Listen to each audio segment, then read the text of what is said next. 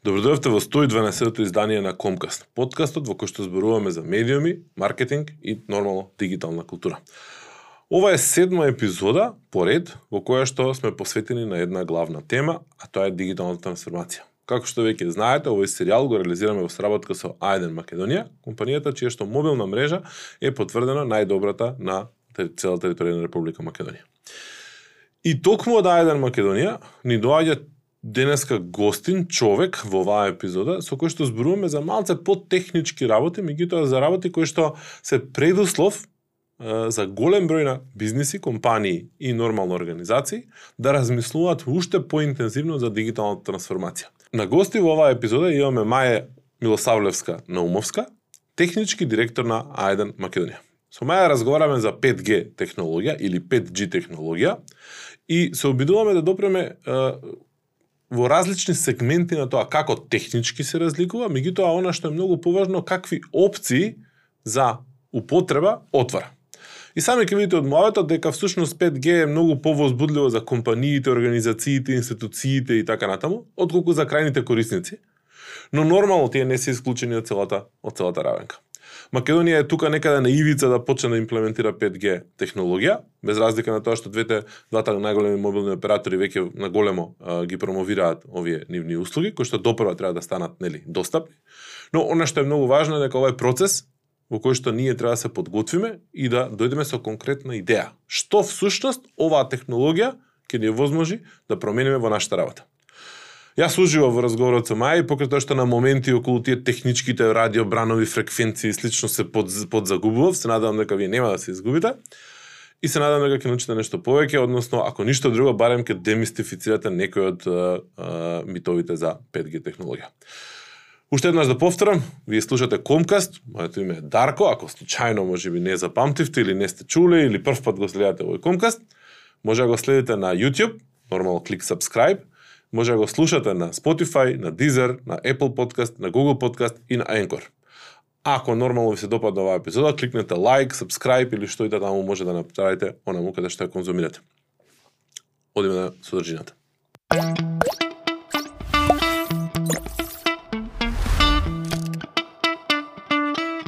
Маја, добро дојде во Комкаст. особено ми е задоволство што ете лице кое што е апла вклучено во развојот и во имплементација на технологија како што е 5G, која што нели ни е тема на денешната емисија, а, имам за чест да ми биде гости да дискутираме до пред малку разговаравме малку околу нели тие цитни детали околу околу технологијата и малце почна да ме пцуеш со со технички термини, ама се договоривме дека денеска ќе се обидеме во оваа емисија да зборуваме малце поопшто, така да се извинувам однапред да сите технички лица кои што очекуваа некое мамбо джамбо. а, техничко. Значи, добро дојде во Комкаст, прво. Благодарам. Добре најдов. Благодарам на поканата. А, нели 5G беше жестока тема на дискусии, на дебати, на полемики до пред коронава. Во суштина па некако после со неизес имавме нови теми за дискусии, нови теми за митови, за невистини, за лажни вести. Ама не можам да да да не пропуштам, а првото прашање е да го поставам баш поврзано со тоа. Значи познавајќи ја целата приказка, а тоа ќе го елаборираме во следните 40 на минути, не можам да не започнам со најважното прашање која е конспир... која од конспиративните теории кои што си ги слушнала ти за 5G најмногу те насме? Вака, последните неколку години се појавија на вистина многу конспиративни теории, особено поврзани со 5G. Реално сите се базираат на спекулации и нема некои сериозни, да кажам, научни аргументации позади нив, но за жал тие одат многу далеку Дури одат во еден момент кога се појави пандемијата на коронавирусот, ја поврза реално пандемијата со имплементацијата на 5G технологијата. И тоа лудило одеше до таму што нели започна еден тренд на палење на базни станици ни светот, кој што не не заобиколи за жал ниту нас. А, еден Македонија се соочи со ситуација каде што баш во екот на короната 2020 ни беа запалени две базни станици кои што дури не беа ни 5G, ама Ете, имаше некоја хајка дури на Facebook, значи на социјалните. Едната во Дојран, другата беше микробазна станица на ставена на Бисер трговскиот центар.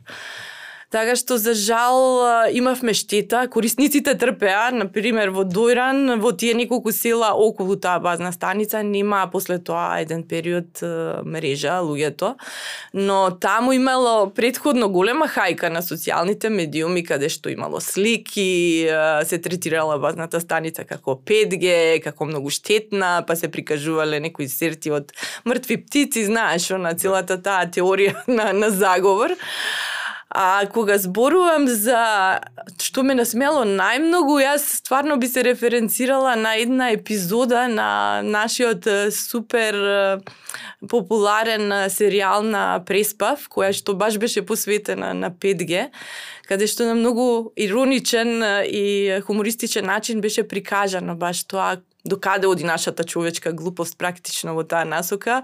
Значи, ја извади и антената и уземјувањето, така што изгоре и хотелот, нема ни комуникација, нема ништо, али битно здравието си го заштитивме.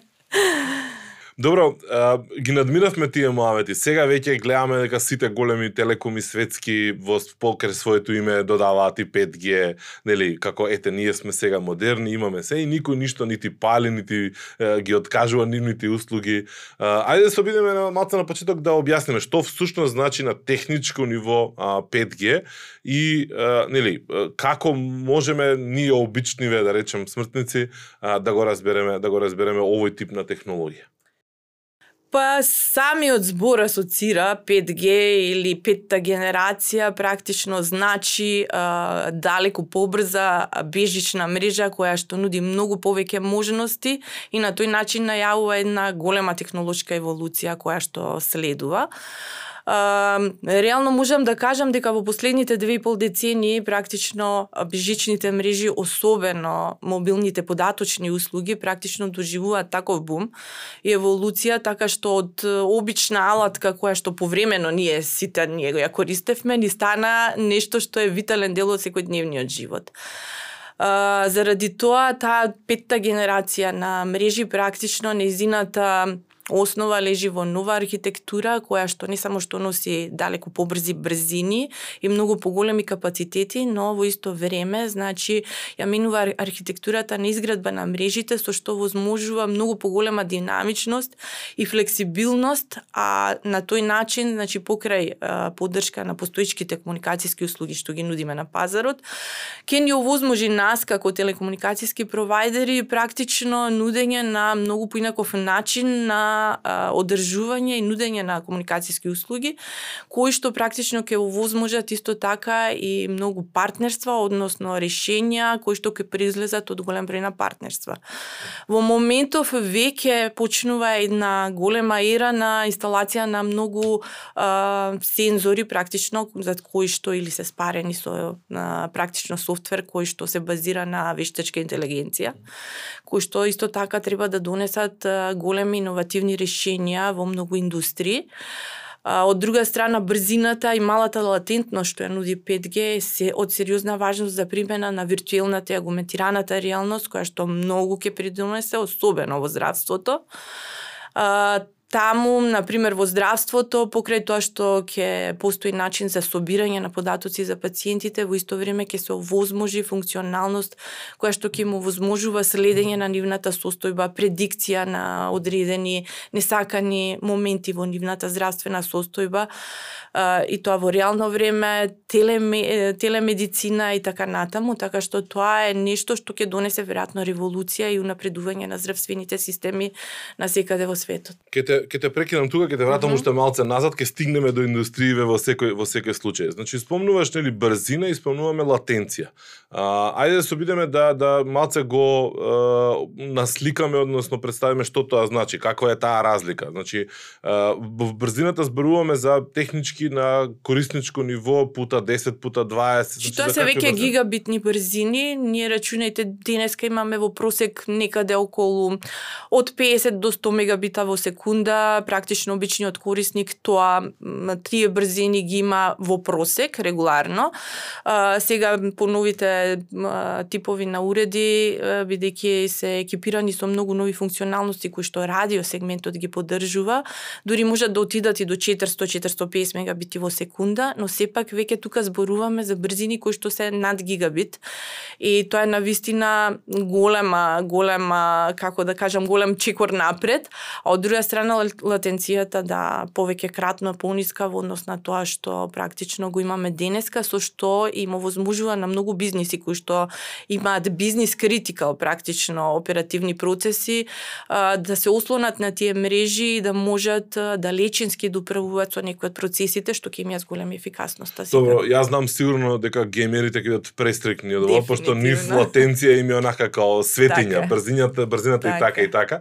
За оние кои што можеби не знаат, латенцијата е всушност времето потребно додека се префрли конекцијата од еден до друг уред, односно така, да искомуницираш од еден до друг крај. Значи, да, и тоа се на вистина милисекунди и секое мало за доценување практично во таа насока за таквите практично индустрии каде што тоа е од витално значење ќе ќе значи фејер, односно неуспех, а особено бидејќи медицината и здравството оди во насока дури на далечинско изведување на операции, значи воопшто незамисливо е латенцијата ако зборуваме во милисекунди, значи кај сегашните мрежи, кај сегашните структури, веројатно тогаш ќе ги, ги намелиме во нешто помалце од милисекунди така, бројките, така? така? Значи тоа е јас го го нарекувам almost real time, практично искуството што ќе го доживува корисникот кој што реално ќе користи сервис базиран на 5G услугата, ќе го доживува искуството на далечина што ќе го прави исто како да се случува во реалноста. Каде е тука улогата на на далечината, на раздалечената помеѓу двете точки кои што комуницираат преку мрежи? Значи да, во ред јас имам уред на 5G и ќе искомуницирам преку, нели, мобилната мрежа 5G тука до базна станица и така натаму, меѓутоа тој сигнал оди понатаму. Треба да стигне до некој сервер во Америка, треба да стигне до некој, не знам, дата центар во, не знам, Русија и така натаму. Колку во таа ситуација ќе се осети реалната промена, ако нели повторно јас треба да чекам од телекомот да отиде сигналот до не знам ти си кажа. Значи ние зборуваме за 5G на радио делот, практично имплементацијата на 5G технологијата или петата генерација на бежични мрежи практично значи многу повеќе од колку само имплементација на базни станици, односно радио уреди кои што реално ја поддржуваат таа технологија. Сите ние кои што обезбедуваме телекомуникацијски услуги и комуникацијски услуги ги прилагодуваме нашите мрежи во позадина кои што ја пренесуваат таа информација практично на на тие брзини кои што треба да го задоволат тој мал латентен момент кога се обидував да да да разјаснам некои повеќе детали околу да се разјаснам за себе повеќе детали околу 5G техничката позадина, а многу често наидував на на нешто што се вика edge computing и значи нели префрлање на на моќта на процесирање на нели крајниот корисник, односно на уредот кој што го држиме во рака или го имаме во канцеларија или во нашите во нашите седени. И тоа повторно беше некаде, значи значи дека уредот сега што ќе врши математиката, што ќе врши обработката на податоци, ќе биде поблиску до до Тоа самиот е корисник. одговорот можеби на прашањето за далечината, пошто една од главните три придобивки или разлика на петата генерација на мрежи во однос на четвр... четвртата е практично во тој edge computing, односно приближување или дистрибуирана обработка на податоците што возможува многу поголеми перформанси на конкрајниот корисник. Практично и дефинитивно тоа е една од големите придобивки, втората е латенцијата за која што зборувавме спомнавме и третата е network slicing, практично делот кој што на некој начин ќе му возможи на многу индустрии, односно прво на нас, а потоа на индустриите да може да конфигурираат и преконфигурираат собствени а, а, логички мрежи кои што ќе бидат наменети за нивните цели, ќе бидат со топологија, конфигурација, мрежни елементи кои што ќе ги задоволуваат нивните потреби, а тоа ќе му возможи практично креирање на нови додатни услуги кај нив кои што ќе бидат базирани на за гарантиран квалитет. Дополнително 5G нуди комплетно друго ниво на безбедност кое што може во ваквите мрежи апсолутно да се мери со нивото на безбедност кој што денеска го имаме во нашите корпоративни приватни мрежи. Практично edge, edge computing е многу сериозна работа која што на некој начин особено во а, гейминг индустријата ќе направи револуција, дополнително а, латенцијата е многу битна за мрежите и услугите кои што практично имаат потреба од real time како VR, AR, значи да. virtual и augmented reality, автономните возила исто така премногу зависат од малата латенција, односно скоро да ја нема. Во реално време, да. Додека четвртата работа, слайсингот, ќе биде многу значен за компаниите кои што ќе сакаат на вистина да направат своја локална мрежа базирана на 5G технологија и ќе добијат на вистина сериозно. Каков тип на услуги покрај ова што го зборуваме, нели сега а, вие нудите услуга 5G мрежа, нели сигнал, каков друг тип на услуги се отвараат а, во лепезата на понудите на на телеком операторите сега ширум светот. Значи дали благодарение на сега на на имплементација на 5G се нудат се отварат простор да се понуди друг тип на услуги, а не само телекомуникации се отвараат како што реков и на почетокот многу можности и генерално почнува една технолошка еволуциона ера која што ќе донесе големи придобивки во многу индустрии. Јас очекувам на вистина во здравството да има огромни напредувања и на ефикасноста и на начинот на кој што денеска тоа се изведува, но во секој случај според мене јас би ги поделила некако тие услуги или решенија кои што ќе доаѓаат во некои три категории. Едната ќе биде базирана на а, многу подобрен а, широкопојасен мобилен интернет и тоа се практично ови услугите, геймингот, виртуелната реалност, augmented reality и така натаму, кои што бараат големи брзини и а, дефинитивно мала латентност за да може да го чувствува тоа, тоа како real time. Од друга страна, во тој дел, на пример, еве Google веќе работи на HoloLens, а, кои што практично на индустриите кои што имаат дистрибуирани мрежи или дистрибуирани комплексни машини, ќе им овозможи а, практично нивните теренски а, работници преку та преку тој виртуелен да преку виртуелните уреди да бидат водени виртуелно, да го откријат дефектот а, далечински практично и да го да го поправат а, на време.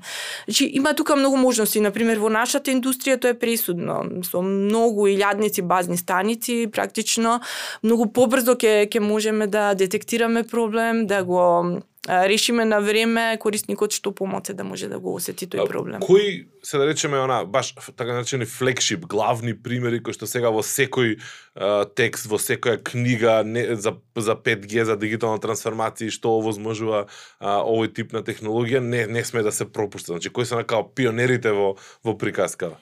Само да се навратам ага. малце, пошто спомнав само еден од тие пиларс на кои што ќе да. се базираат решенијата. Вториот е секако во овој дел на, значи, на имплементација на автономните возила, кои што на вистина се очекува на некој начин кога сериозно ќе се развијат таквите решенија да дон, да придонесе за многу поголема безбедност. Дополнително во тој дел спаѓаат исто така, значи тоа е некој тип на комуникација машин to машин, но многу по а, агресивен во однос на досегашните такви а, имплементации. Дополнително тука овие сензори кои што ги спомнав на почеток ќе придонесат многу за намалување заштеда на електричната енергија која што денеска е, една од главните проблематични теми за секој од индустриите да. верувам, па и за обичните домаќинства.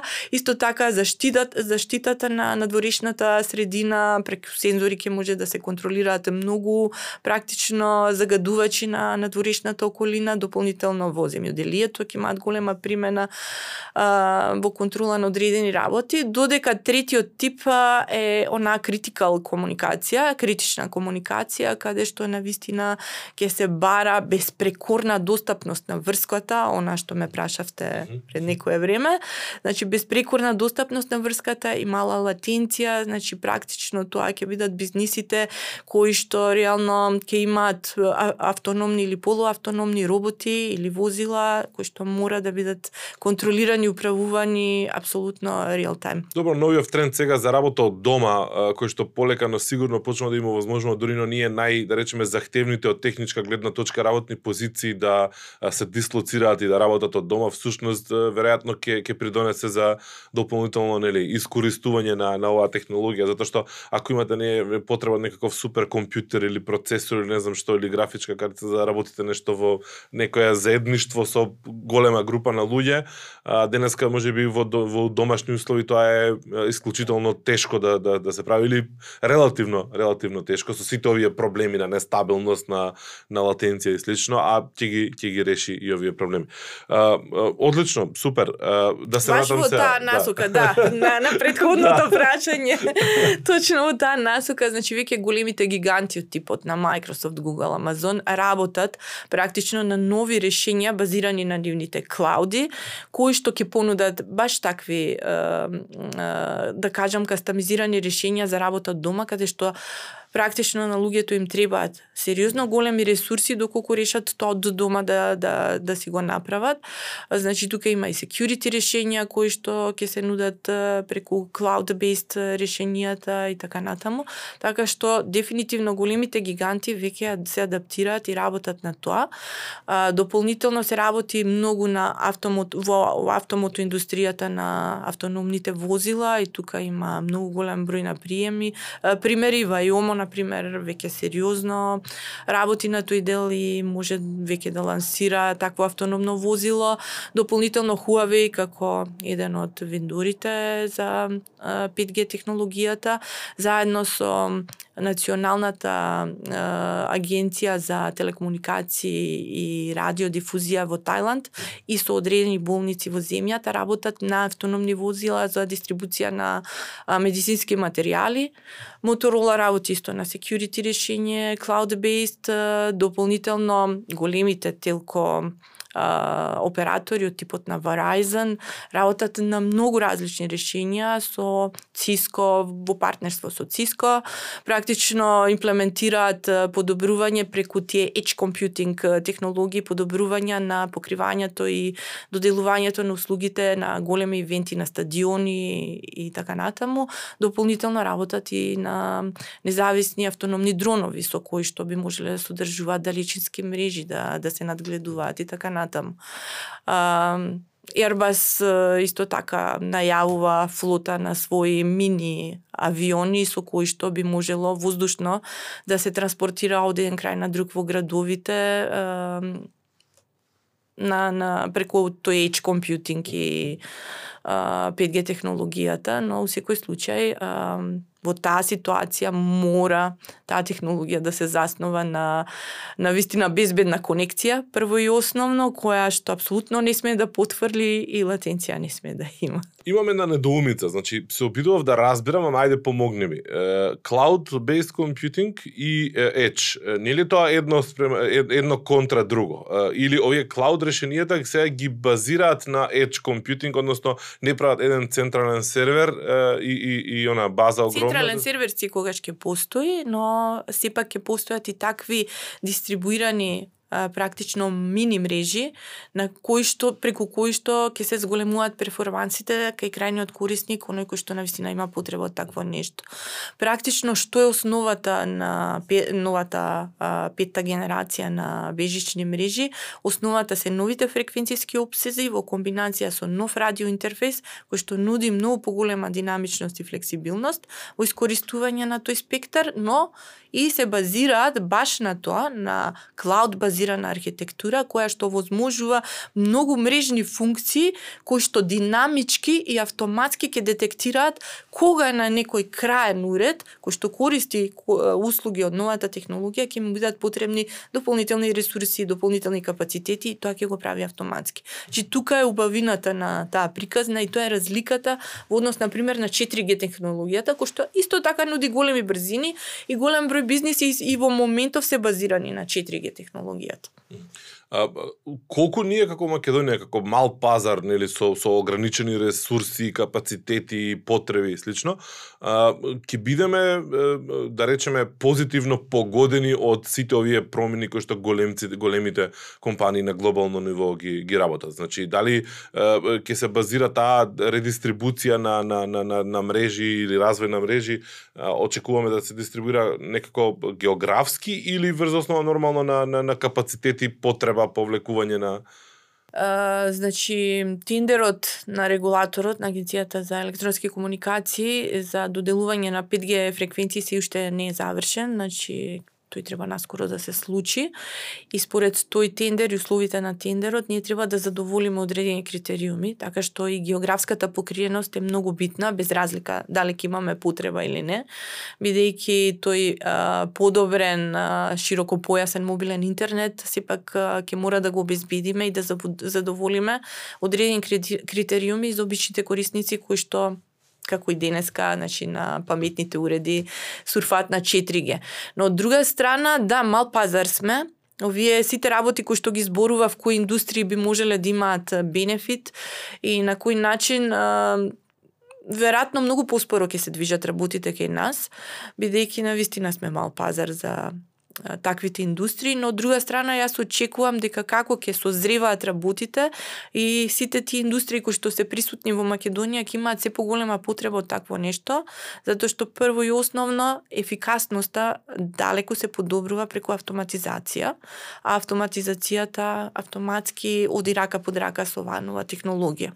Во секој случај верувам дека ќе бидат благодарение на на на, на следењето на технологијата и на имплементација ќе бидат овозможени оние инциденти да ги наречам во држава кој што значи не имаме те експерт за не знам доктор некој специјалист за некоја за некоја пракса и тој без никаков проблем со да речеме благодарение на некаква технолог, технолошка техничка опрема и соодветна мрежа ќе може да учествува на операции во не знам Швајцарија или во Виена или или а, каде каде било? Јас мислам дека тоа е многу скора реалност. Uh, дефинитивно дури во моментов има многу компании кои што имаат развиено веќе решенија и се преминуваат во светските здравствени установи, каде што новите доктори специализанти веќе преку тој uh, virtual reality и така натаму тренираат и некој коуч кој што доктор со големо искуство ги следи од некоја друга локација во реално време.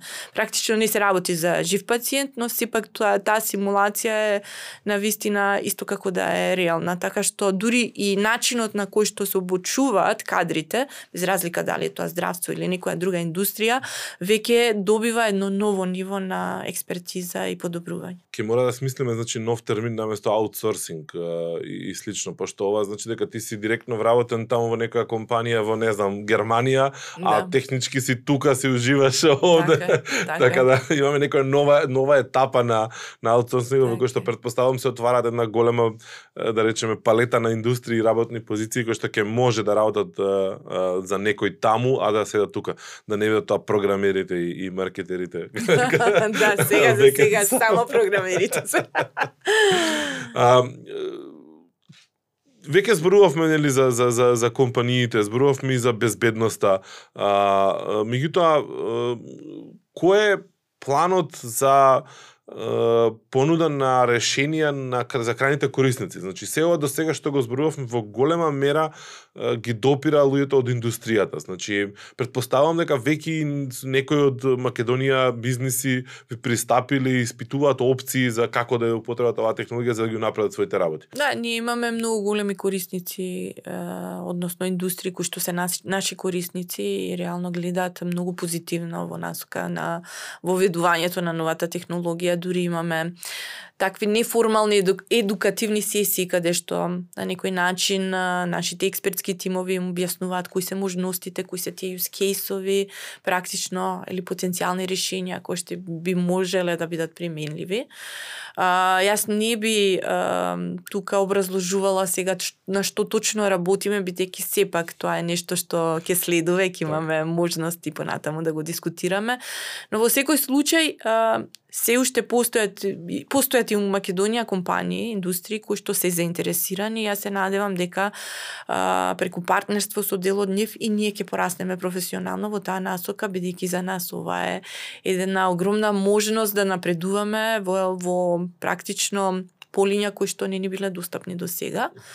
И јас тука гледам на вистина големи можности. Значи покрај она комерцијално и регулаторно покривање кој што треба да го направиме, дефинитивно применливоста во одредени индустрии на новата технологија ќе биде еден од главните фокуси на нашата компанија и секако на техничкиот тим изминативе шест епизоди на Комкас, затоа што нели темата која што обработуваме е дигитална трансформација. Јас по едно 20 ако не и повеќе пати во секој епизода да спомнував дигитална трансформација, дигитална трансформација.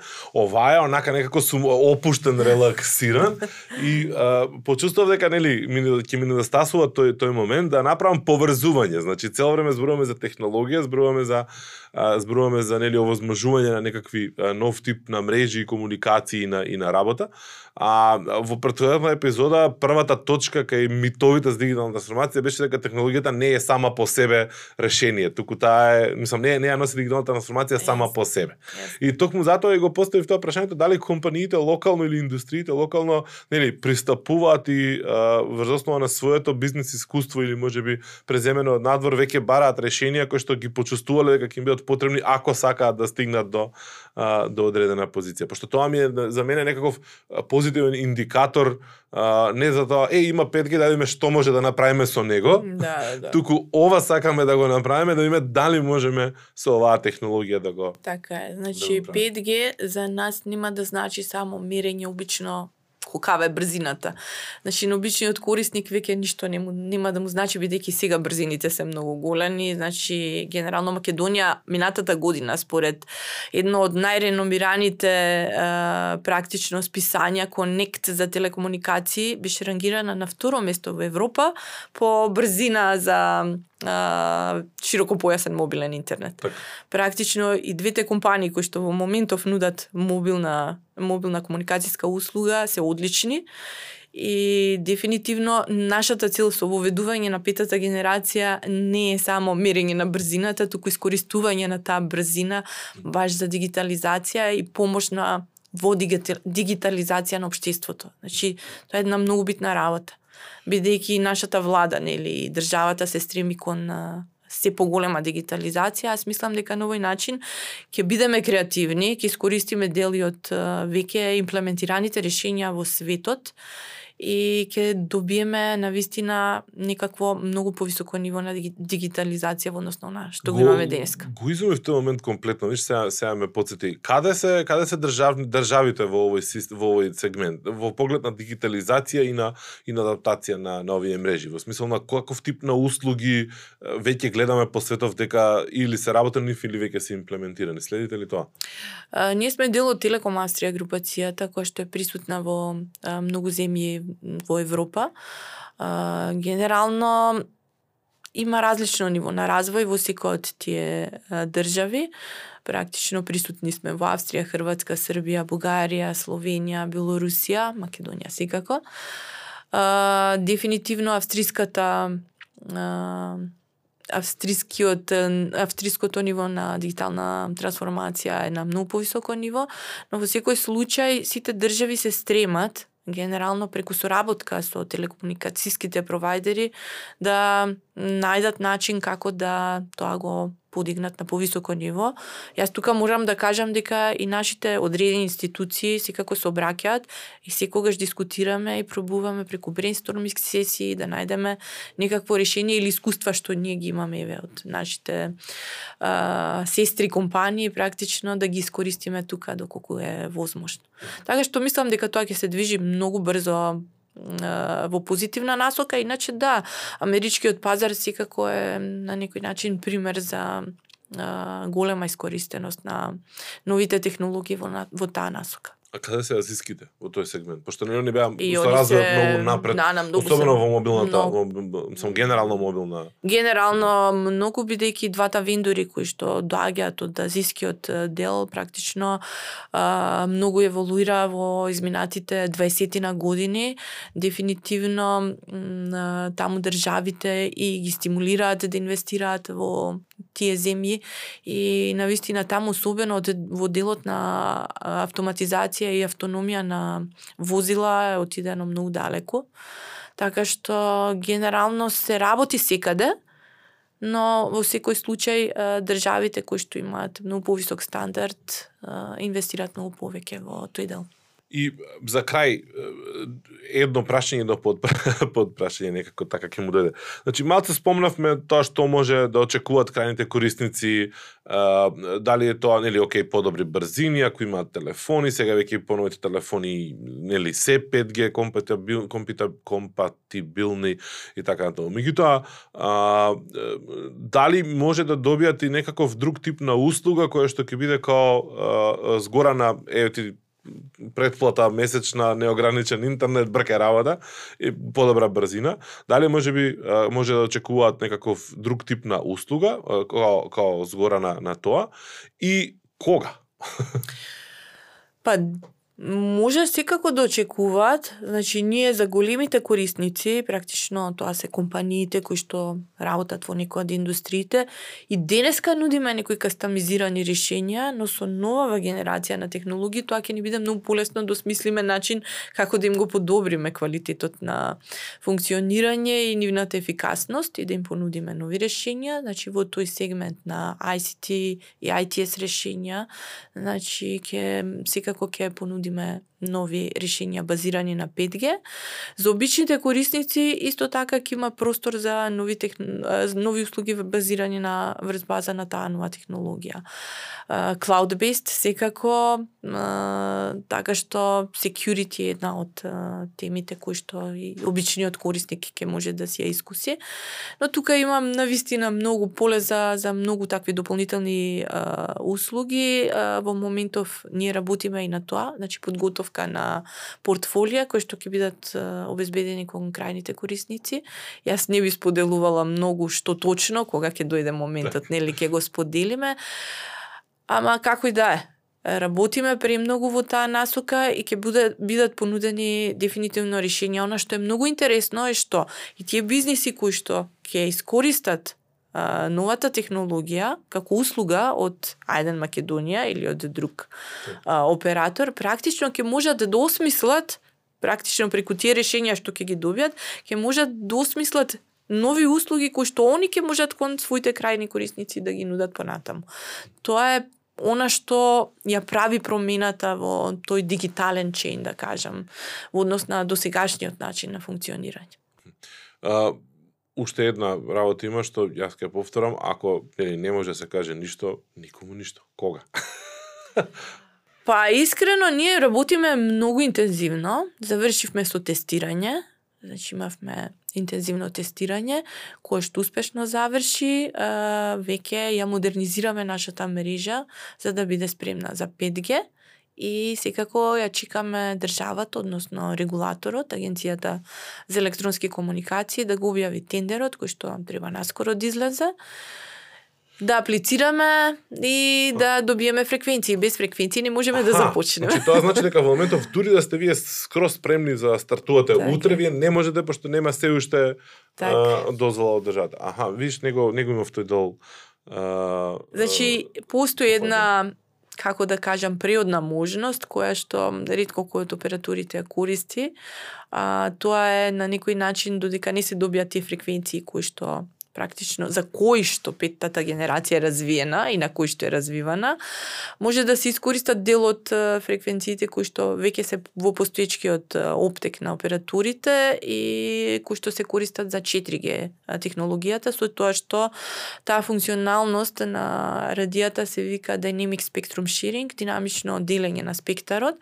Практично може да се пушти 5G и 4G да користат исти фреквенциски обсек а, и да го делат во зависност од тоа кој корисник каква какво побарување има, но сепак тоа не се брзини кои што јас ги зборував предходно.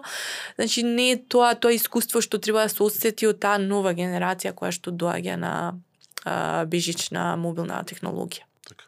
Uh, добро, одлично. Ова значи дека телекомите се подготвуваат веќе масовно нели промовираат и комуницираат 5G во Некои веќе имаат имплементирано, значи во нашата земја е само така, иначе так, во соседствата поголем дел од земјите веќе имаат сервиси кои што ги нудат кон крајните корисници. Така. А, се надевам дека нели тендерот ќе ќе биде во брзо време и дека а, крајните производи или бенефити ќе можеме да ги дискутираме и искусиме многу брзо. Така да јас јас исцрпив листата на прашања и мислам дека успеавме без да навлеземе во премногу технички работи да издискутираме се што беше во во план да да се издискутира. Јас се надевам дека беше така, се трудев на што попластичен начин да пробам да ги објаснам работите. А, јас стојам на располагање видни на еве пошто е, најавивме да. дека ќе имаме и портфолија и така натаму, така што Едно е дефинитивно, мртви птици нема да гледаме, запалени антени нема да гледаме. Се надевам не да. 5G е реалност, никој нема веќе интерес да го портретира како нешто сатанско, така. а останува да ги видиме бенефитите од тоа. Маја ти благодарам многу за гостувањето и за муаветот. Јас уживав и стварно ми се разјаснија некои работи многу повеќе и мене. Благодарам на поканата и милом биш да видам ваш гости. И благодарам на Маја за одличниот муавет, благодарам за супер примерите кои што ни ги кои што ни ги наведен. За жал нели се уште немаме толку многу локални примери со кои што може да се фалиме, иако а, сегменти од тоа веќе може да се насите дека се, се имплементира или ќе се имплементира многу наскоро. Се надам дека уживавте и вие во овој муабет и со ова ја завршуваме седмата епизода на а, Комкас посветена на дигитална трансформација која што реализираме нели во соработка со Ајден Македонија. Ви благодарам уште еднаш и нормално, ако треба ве подсетам лайк, subscribe, тоа listen, follow, кој копче да го гледате на плеерот каде што го слушате или гледате овој Комкаст или подкаст, кликнете го сега. До следната епизода, поздрав!